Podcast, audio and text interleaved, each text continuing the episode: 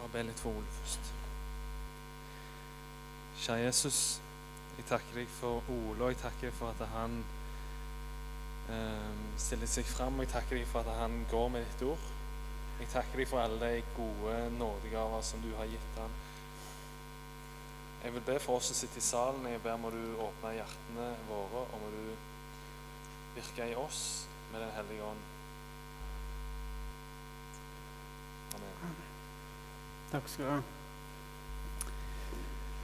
Det var én ting han Petter ikke fortalte. Og det var det at uh, det går an å treffe kona på fjellet òg. Jeg traff kona mi på fjellet, så det var der jeg traff henne.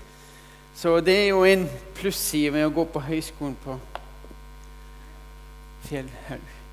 Men det er en annen ting. Det er jo så mange grader og sånt. Og det er jo før Jeg er såpass gammel at jeg eh, det var bachelor- og mastergrad. Det var ikke sånne grader før, men det var en grad som heter CanMag på den tida der. Eh, og det er jo en veldig flott grad ifølge de som vet hva det er for noe. Men jeg har fått en ny grad. I går fikk jeg tildelt en grad, og det er en sånn kan-grad. Og det er kan alt. Tok dere den? Eller er dere bare slik at dere ikke forstår det så fort? Jeg kan alt. Dere Jeg satt og tenkte på det. Jeg, jeg har gått på Fjellhaug, og dere kan jo måle hvordan, eh, hvordan det er resultatet. Jeg gikk der i 75, nei, 74-75, Jeg har ikke glemt alt jeg lærte der. Men eh, det å kunne gå på en kristen skole Vi, vi, vi må rundt og reklamere for det, men vet at det er jo det største privilegiet som finnes, at vi har kristne skoler i Norge. At vi kan få lov å gå der, og vi kan få lov å lære om det. Igjen uten å risikere noen ting. Og som jeg, eh, jeg satt og tenkte på det i dag når jeg satt og forberedte og, og jobba med dette, her, er at tenk 100 000 i dag. Mellom 100 000 og 140 000 sitter i fengsel i Nord-Korea. Av den ene grunn at de tror på Jesus Kristus. Og de, Jeg har hørt om én i Nord-Korea som ble torturert i fangeleirene. Han fikk, han fikk valget enten fornekter du Jesus, eller så tar vi livet av deg. Det er én som har fornekta Jesus, som jeg har hørt. Og Den mannen han er i dag i Sør-Korea. Han er en pastor. Han sa at jeg var en Peter. Jeg måtte bøye meg på kne, og, og, og, og Gud tilga meg. Jeg er tilbake. Men dere, det holder. Guds ord, det holder. Og det vi snakker om i dag, det er ikke bare en historie ut ifra det som står i denne boka her. Men Jesus han er en levende Gud. Og når jeg ser på det korset her, så tenker jeg at det er utrolig flott å se det, for korset er tomt. Og jeg tenker alltid på den historien som jeg har delt så mange ganger her med disse ungdommene i, i, i Nederland som kom til disse norske ungdommene som hadde på, hadde på tur nedover. Ene bar det, det armbåndet som heter WWJD, som, som betyr en sånn påminner for han What would Jesus do? Og Så kom han, kom han springende bort til meg en dag så sier han Ser du disse ungdommene som står der borte? Det var i en by eh, der, I Harderveik heter den byen, der vi har åpnet dørkontoret. Ser du han som står der borte, sa han. Ja, han Og så sa jeg, hva er det hva du tenker på? Vet du hva, Jeg var borte hos han, og han ser armbåndet mitt, og han spurte hva betyr det Jo, det betyr What would Jesus do? Så sier han ungdommen som står der, det betyr ikke det for meg. For me it means we want Jesus dead. Og han, han er uh, ungdommen fra, fra Emlem han sa at jeg ante ikke hva jeg skulle si. Og Så kommer han springende til meg så sier han, hva skal jeg si, Ole? Og jeg, så, jeg sa til Gud, Gud, gi meg et svar. Og så begynte jeg å le. Og, og det, Gud er fantastisk. Og så begynte jeg å le, så sier han ungdommen, hvorfor ler du, Ole? Det er jo alvorlig. Vi må jo kunne gi et svar. Ja, jeg har svaret, sa jeg. Spring bort til han, og så sier du, spør du han en gang til ønsker du virkelig Jesus dø. Og hvis han svarer ja, så skal du bare juble ut og si at ha! Da er du 2000 år for seint ute. For min Jesus lever, og det korset er tomt. Dere er for seint ute. Han lever for evig. Og han er kommet for å gi deg og meg liv. Det er det det handler om. Og Jesus han lever i dag. Han er som sagt like reell som den personen som du ga en klem til nå nettopp. Vi ser han ikke, men han er her, og han ønsker å hjelpe oss.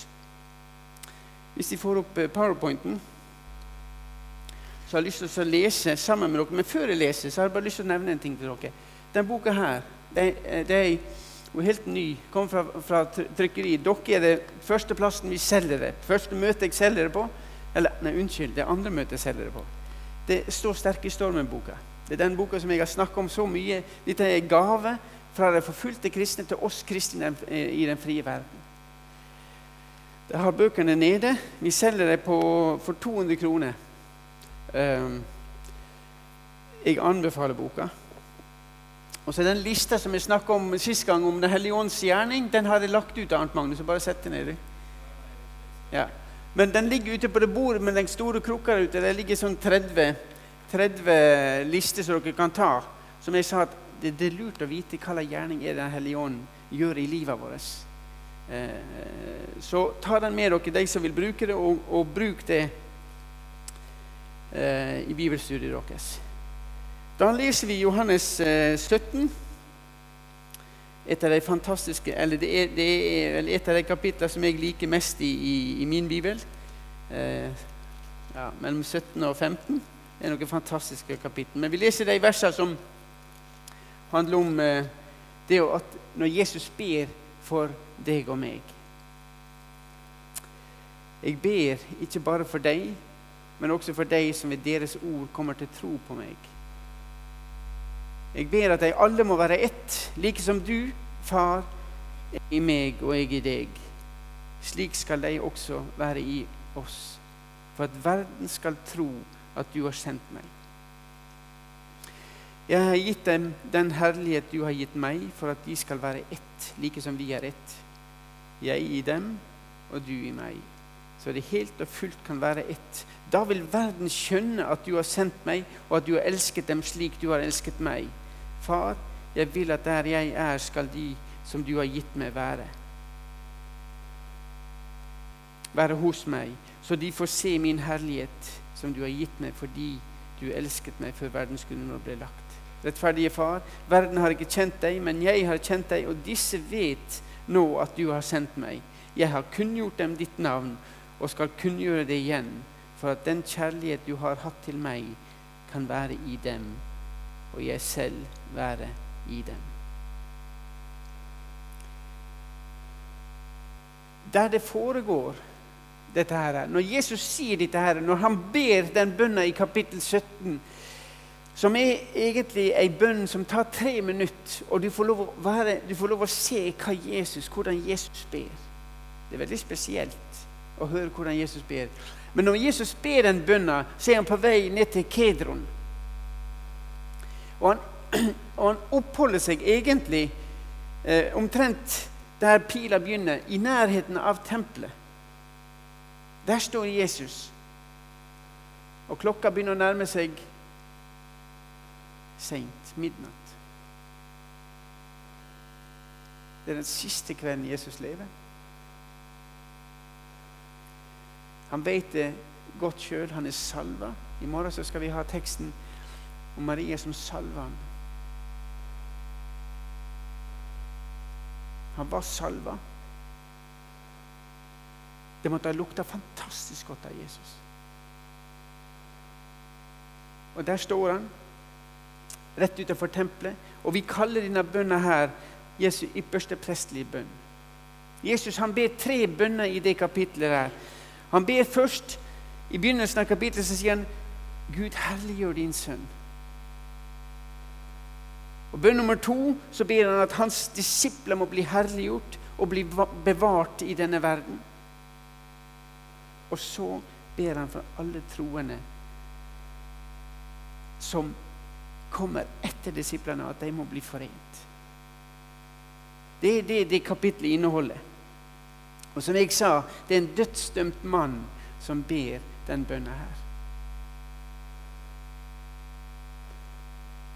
Og hvorfor sier jeg at det at jeg er i nærheten av tempelet Jeg vil komme litt inn på det, fordi det som skjer egentlig Hvorfor blir det kalt Jesu ypperste prestelige bønn? Jo, fordi at på forsoningsdagen Hvis vi går til, til eh, Tredje Mosebok, kapittel 16, så finner vi om det som handler om forsoningsdagen. Og Det som der skjer, er det at ypperstepresten han finner seg frem en okse eh, og to sauer. Oksen de slakta, og han går inn, inn, inn i tempelet og han bærer frem et offer.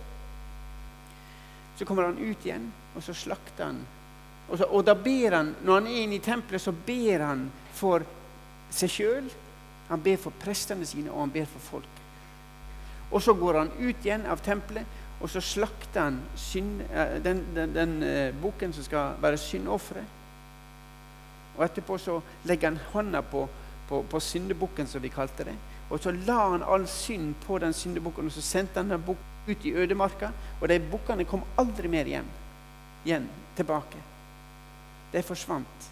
Han bar synda ut av leiren til, til, jødene og ut i ødemarka. Vekk ifra jødene. Så der har du da en ypperste prest som går inn en gang i året og soner synda for mennesker. Og Det som vi ser her i kapittel 17, er at Jesus han er på vei ned mot Kedron. Han er i nærheten av tempelet, og det ser ut som Jesus tar ypperstepresten sin plass. Han ber for seg sjøl. Han ber for sine disipler, og han ber for de troende i verden. Og så går han ut. Og så tar ikke han en bukk som syndoffer. Men han går hen, og så gir han livet sitt. Og så er det han som er syndofferet. Og så betaler han synda en gang for alle. Og Det er en jødisk legende som sier det at den syndebukken som, som overlever, altså den som ikke ble ofra, men som de la hendene på hodet hans og så la de synda på han, og så sendte den bukken ut i ødemarka. De bukkene kom aldri igjen. Men etter at Jesus døde på korset, så er det en jødisk legende som sier at det var første gangen i historien at syndebukken kom tilbake til Jerusalem. Fordi synda var sona.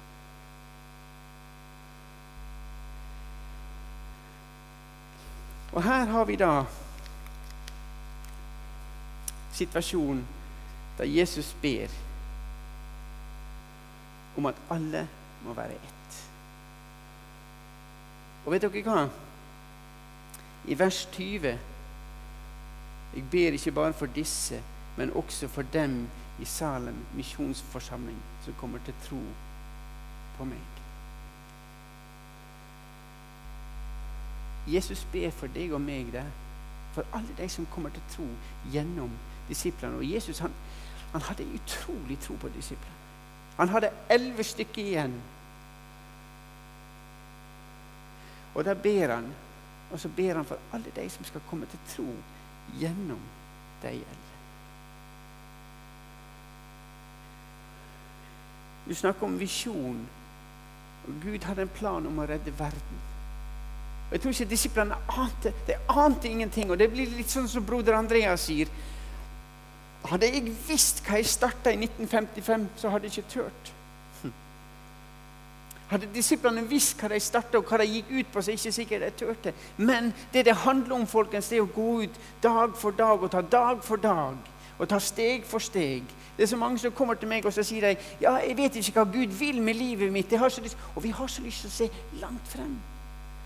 Vet du at Vi har jo eh, lykte i dag. Lommelykt, ikke sant? Jeg er litt sånn frelst på lommelykt og hodelykt, så jeg har flere av dem. Men har, de er så sterke i dag. lyser er flere hundre meter. Og så forventer vi at Gud skal lede oss òg. I det øyeblikk vi spør Gud hva vil du med livet mitt, så skulle vi helst ha sett ti år fremover. Og du, Hvis vi begynner å tenke oss om, så må vi bare takke Gud at vi bare får lov å se dag for dag. Hadde vi visst hva som ligger foran oss, så har ikke klart det. Vi har mer enn nok med å klare dagen i dag. Og så sier Gud, som dagen er, så skal din styrke være. Når du trenger hjelp, så skal du få hjelp. Og Jesus ber for deg og meg. I den bønnen her så er ikke, vi tenker alltid at Jesus bare for disiplene. Jesus har bedt for deg og meg.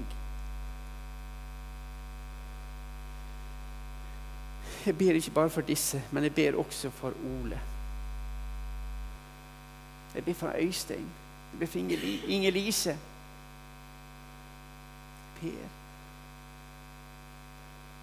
Jesus ber for hver enkelt som sitter her. De, de som kommer til tro på Og hva er det han ber om? Hva er det viktigste momentet som Jesus ber om? At de må være ett. Og dere, Da ber ikke Jesus om den sånn uniformitet, at vi skal bli lik. Og egentlig, egentlig i våre forsamlinger, ikke bare her, men overalt, så ønsker vi at folk skal bli som oss.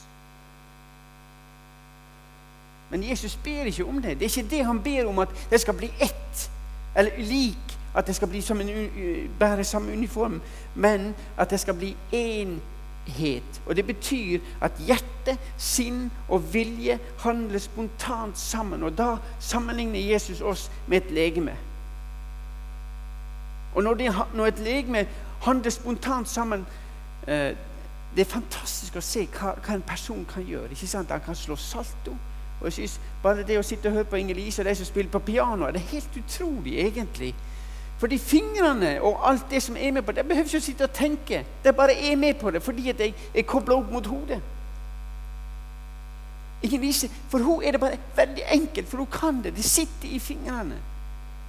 Fordi lemmene har samme vilje, samme hjerte og samme sinn. Det en, og det er et nydelig bilde på, på den enheten som Jesus snakker om. Og det er bare et friskt legeme som handler slik.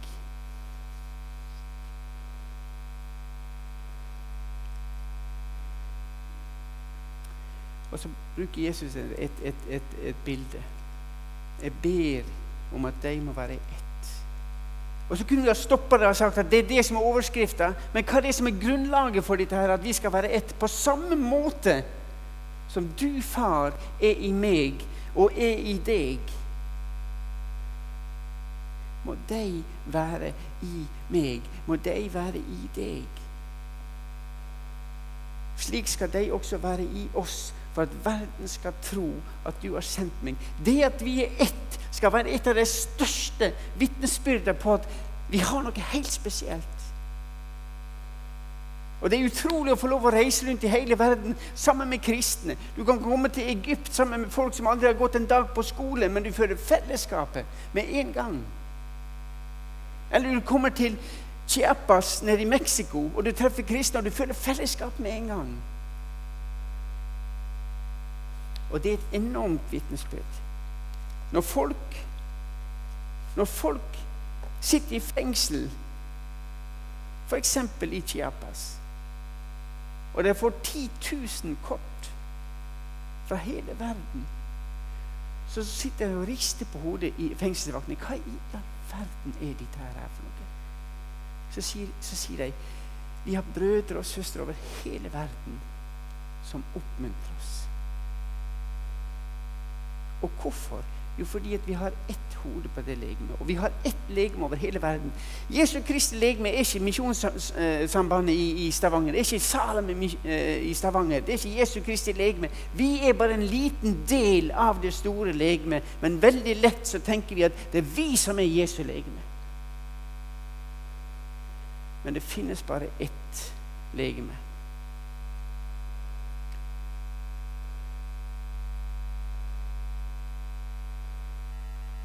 Og dere, Det er så lett å tenke som så at vi har fått en ordre fra Jesus om at vi må bli ett. Men det er ikke det som, som står her. Legg merke til at Jesus ber han, ber han ber til Gud. Og det er Gud som må svare på denne bønna. Han legger ikke på deg og meg at dere må prøve å bli ett, fordi det blir bare ei krampe.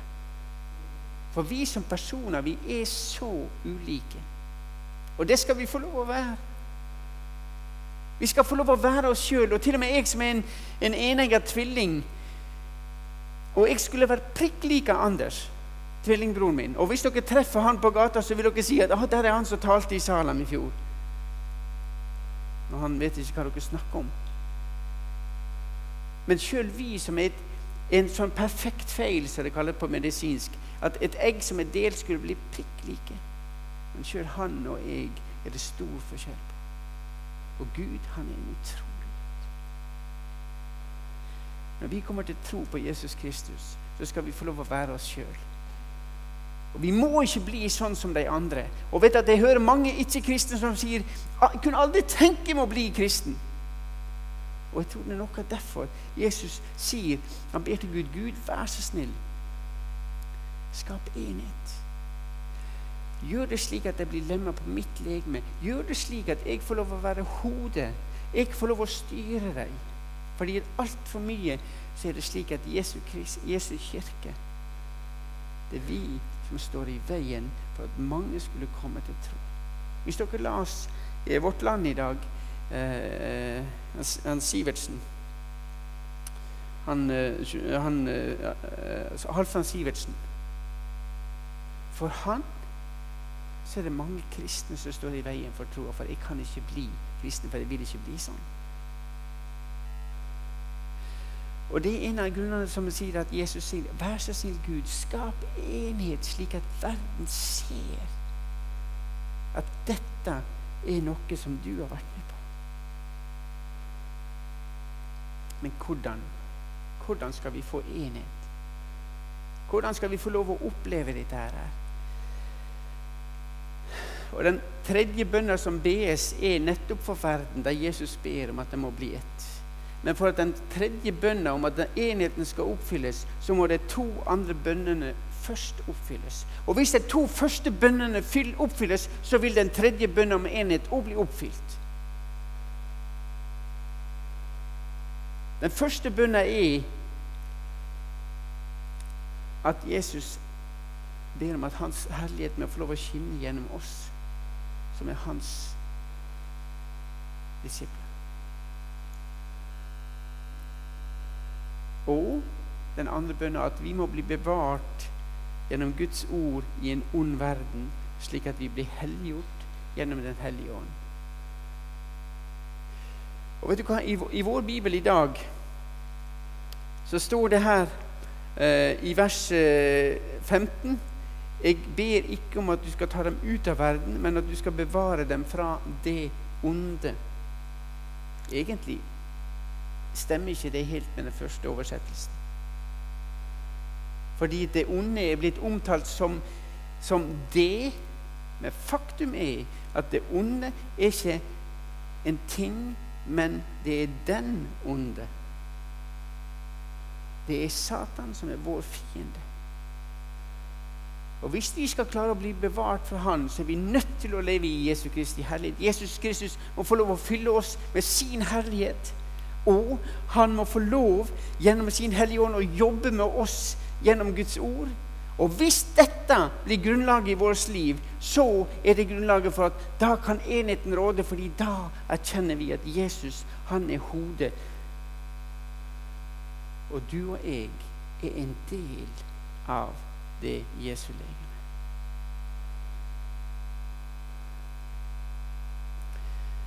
Og Nå er vi inne på noe av det vi har snakket om. Vi har snakket om Den hellige ånd. At han må få lov å lede oss. Og Det er han som drar oss inn. Jeg, jeg tror det, Den hellige ånd det er han som leder oss inn på møter.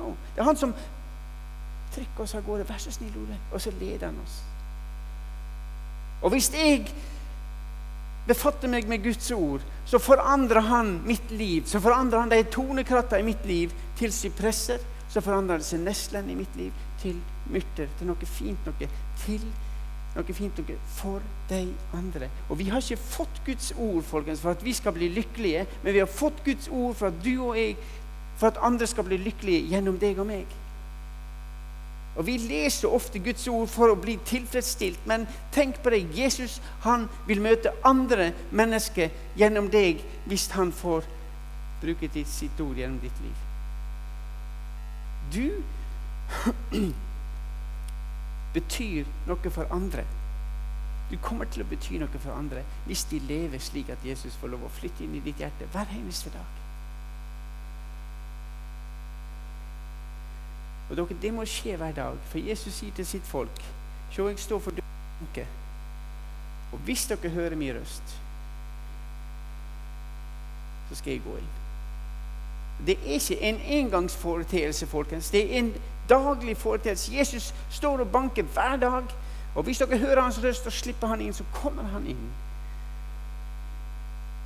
Åpenbaringa 23.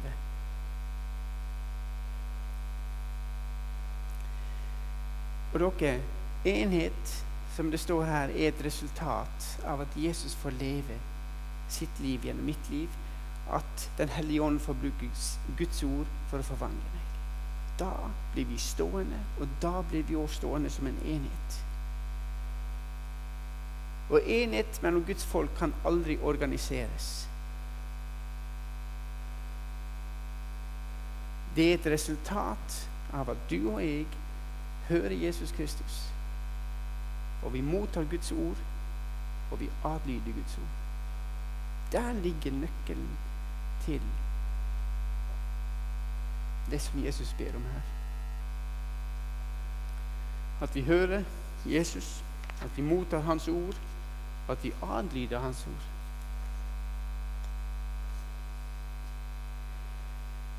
Og så sitter det kanskje noen her som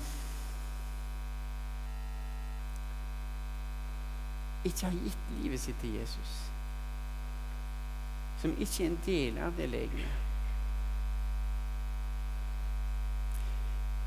Den hellige ånd virker på spesielle måter. Jeg husker en gang jeg talte ut på ei øye utafor Stavanger her.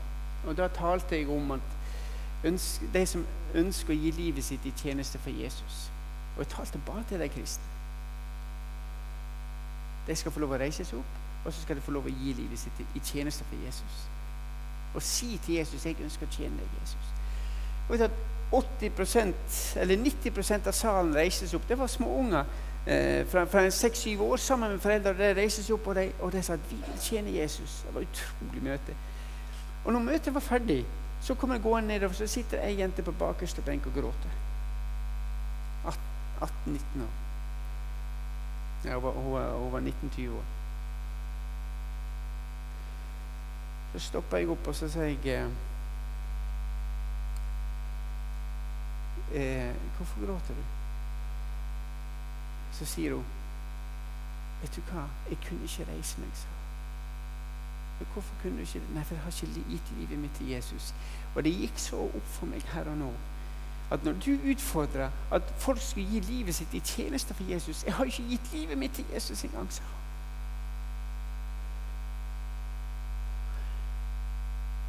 Og så var det ei jente som fikk lov å bøye kne den dagen og så gi livet sitt til Jesus. Og jeg, forundre, jeg, jeg, tenkte Gud, du har lagt på meg at jeg skulle tale til deg som var frelst, for at jeg skulle få en utfordring. Og så møter du allikevel alle sammen. Og vet du hva? Gud har en utrolig omsorg. Jesus han døde for hver enkelt av oss. Og han tenker ikke bare på sitt folk. Jesus døde for de som ikke var frelst. Jesus han elsker hver enkelt like mye. Om du sitter her, om ikke du har tatt imot Jesus Kristus, du er likevel eksponert for hans store kjærlighet. Han elsker deg like mye som de som har tatt imot. Han gjør ingen forskjell. Og vi har en uttrykk i den kristne, eh, i, i kristne sammenhenger så sier vi 'Er du frelst?' Og jeg sier det er jo egentlig helt galt å si det. For alle mennesker er frelst. Jesus døde på korset, og han døde og han ga sitt liv for alle mennesker. Og, bare, og alle er frelst.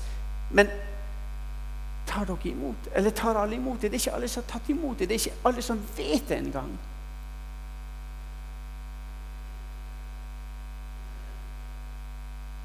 Og Jesus han sier det at Når han forteller, vet, vet dere hvem Jesus ber til? Eller vet du ikke hvem Jesus ber for? I vers 7 her, nei, vers 9 så står det Så sier Jesus, 'Jeg ber for deg', altså de som har tatt imot Jesus. 'Jeg ber for deg, jeg ber ikke for verden'. Det høres utrolig ut. fordi Veldig ofte så, det, så, blir det fortalt sammen vi må be for de som ikke er frelst. Når vi sender ut misjonærer vi ber for misjonærene. Og vet dere hva? Jesus han ber for sitt folk. Han ber for dem fordi det er de som er i verden, og det er de som forvandler verden. Derfor ber Jesus for deg og meg. Jesus han ber for oss der han sitter. ber for Arnt Magne, han ber for Ola, han ber for alle de andre. Fordi det er de som forvandler verden.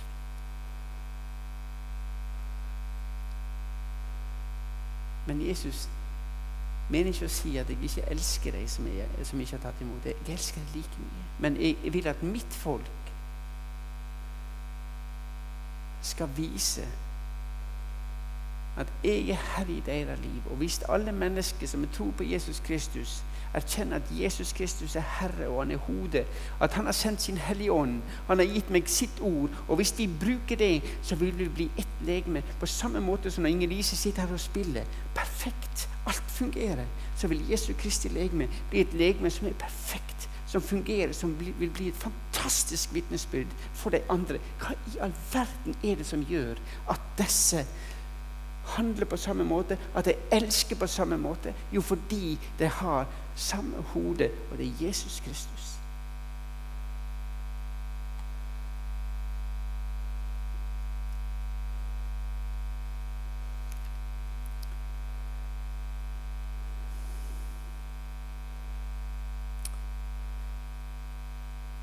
Og Jesus er hodet for legemet. Det er han som holder oss i hop. Og så er det i mitt liv så er det dessverre slik at det ikke alltid jeg er forbundet med hodet. Men jeg har sagt så mange ganger Jesus, vær så snill og sett meg i forbindelse med deg. Slik at jeg reagerer sånn som du.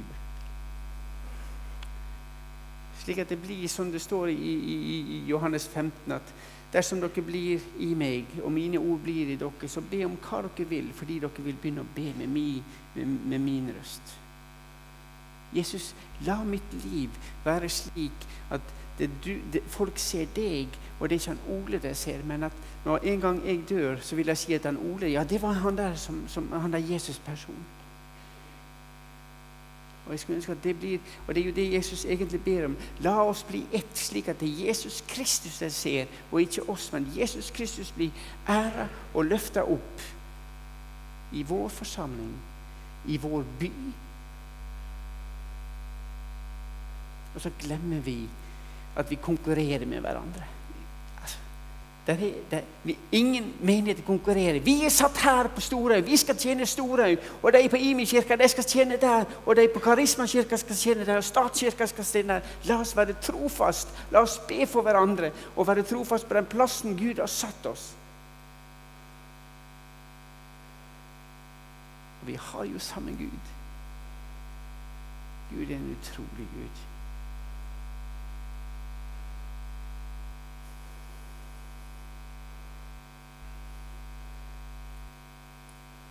Og hvordan bli en del av Jesu legeme. Alle de som tok imot ham, de ga rett til å bli Guds barn. De som tror på hans navn. Og så er det kanskje noen som sier at ja, men det får jo ikke til å tro. Det er jo det som er så vanskelig. Det å tro, det er jo nettopp det som er vanskelig. Men troa er jo ei gave, folkens. Efeserne 2, 8. For av nåde er dere frelst ved tro. Og det er ikke deres eget verk men en Guds gave. Nåden er gratis, og troa er en gave. I det øyeblikket du velger Jesus, så får du lagt troa ned i livet ditt. Troa er ikke en prestasjon, men troa er en gave i det øyeblikket du erkjenner at jeg trenger deg, Jesus.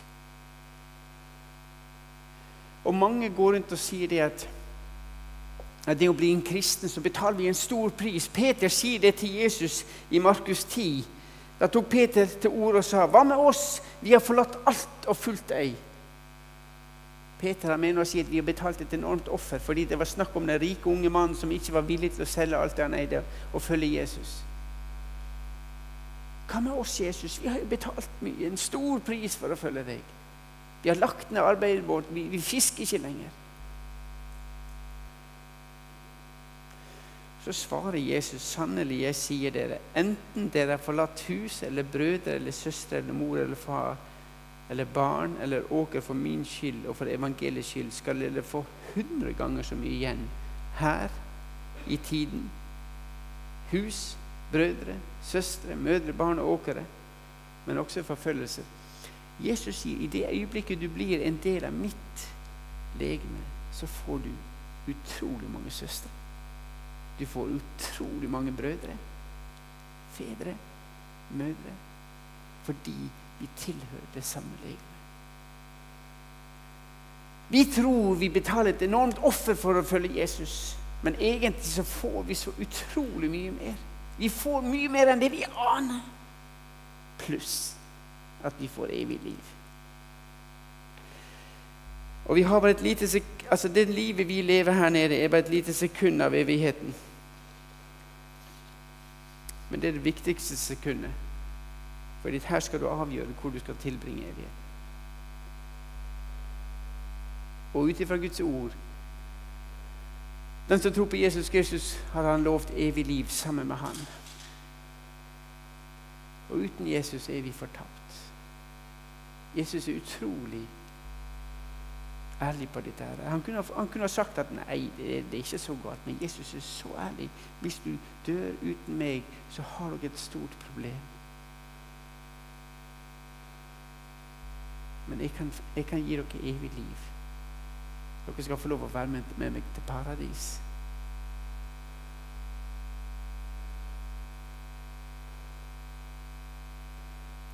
Og dere Enhet blant Guds folk kan ikke organiseres. Det er bare et resultat av at vi hører ordet, at vi forstår ordet gjennom Den hellige ånd, som åpenbarer det for oss fordi Han har gitt oss av Guds ånd, slik at vi skal forstå hva Gud sier til oss, og at vi adlyder ordet. At ordet får lov å være med å prege livet vårt, avgjørelsene våre og alt.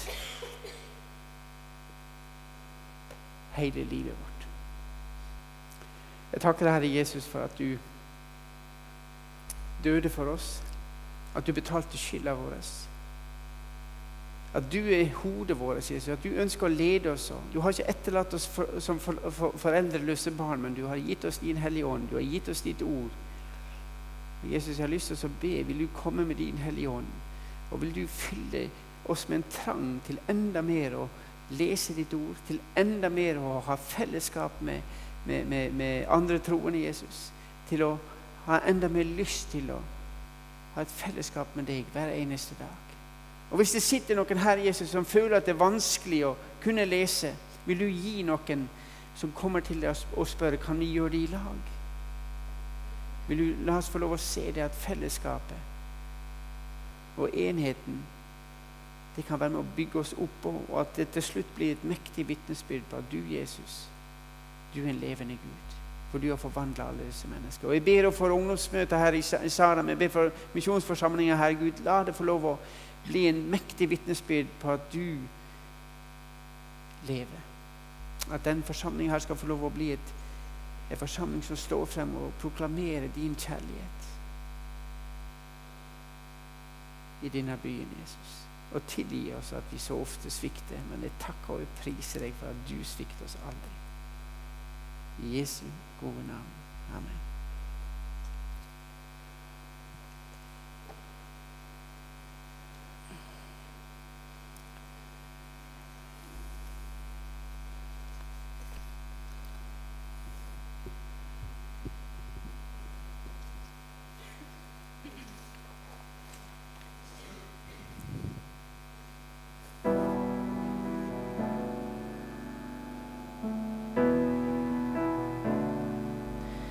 Vi er ett med hverandre i Den hellige ånd. Vi er ett med hverandre i Den hellige ånd. Og vi ber om en enhet der vi vandrer hånd i hånd, slik at Jesus blir æret på vår jord, Jesus blir æret på vår jord.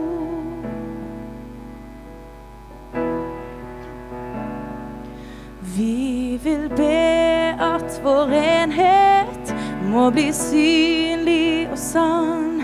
Vi vil be at vår enhet må bli synlig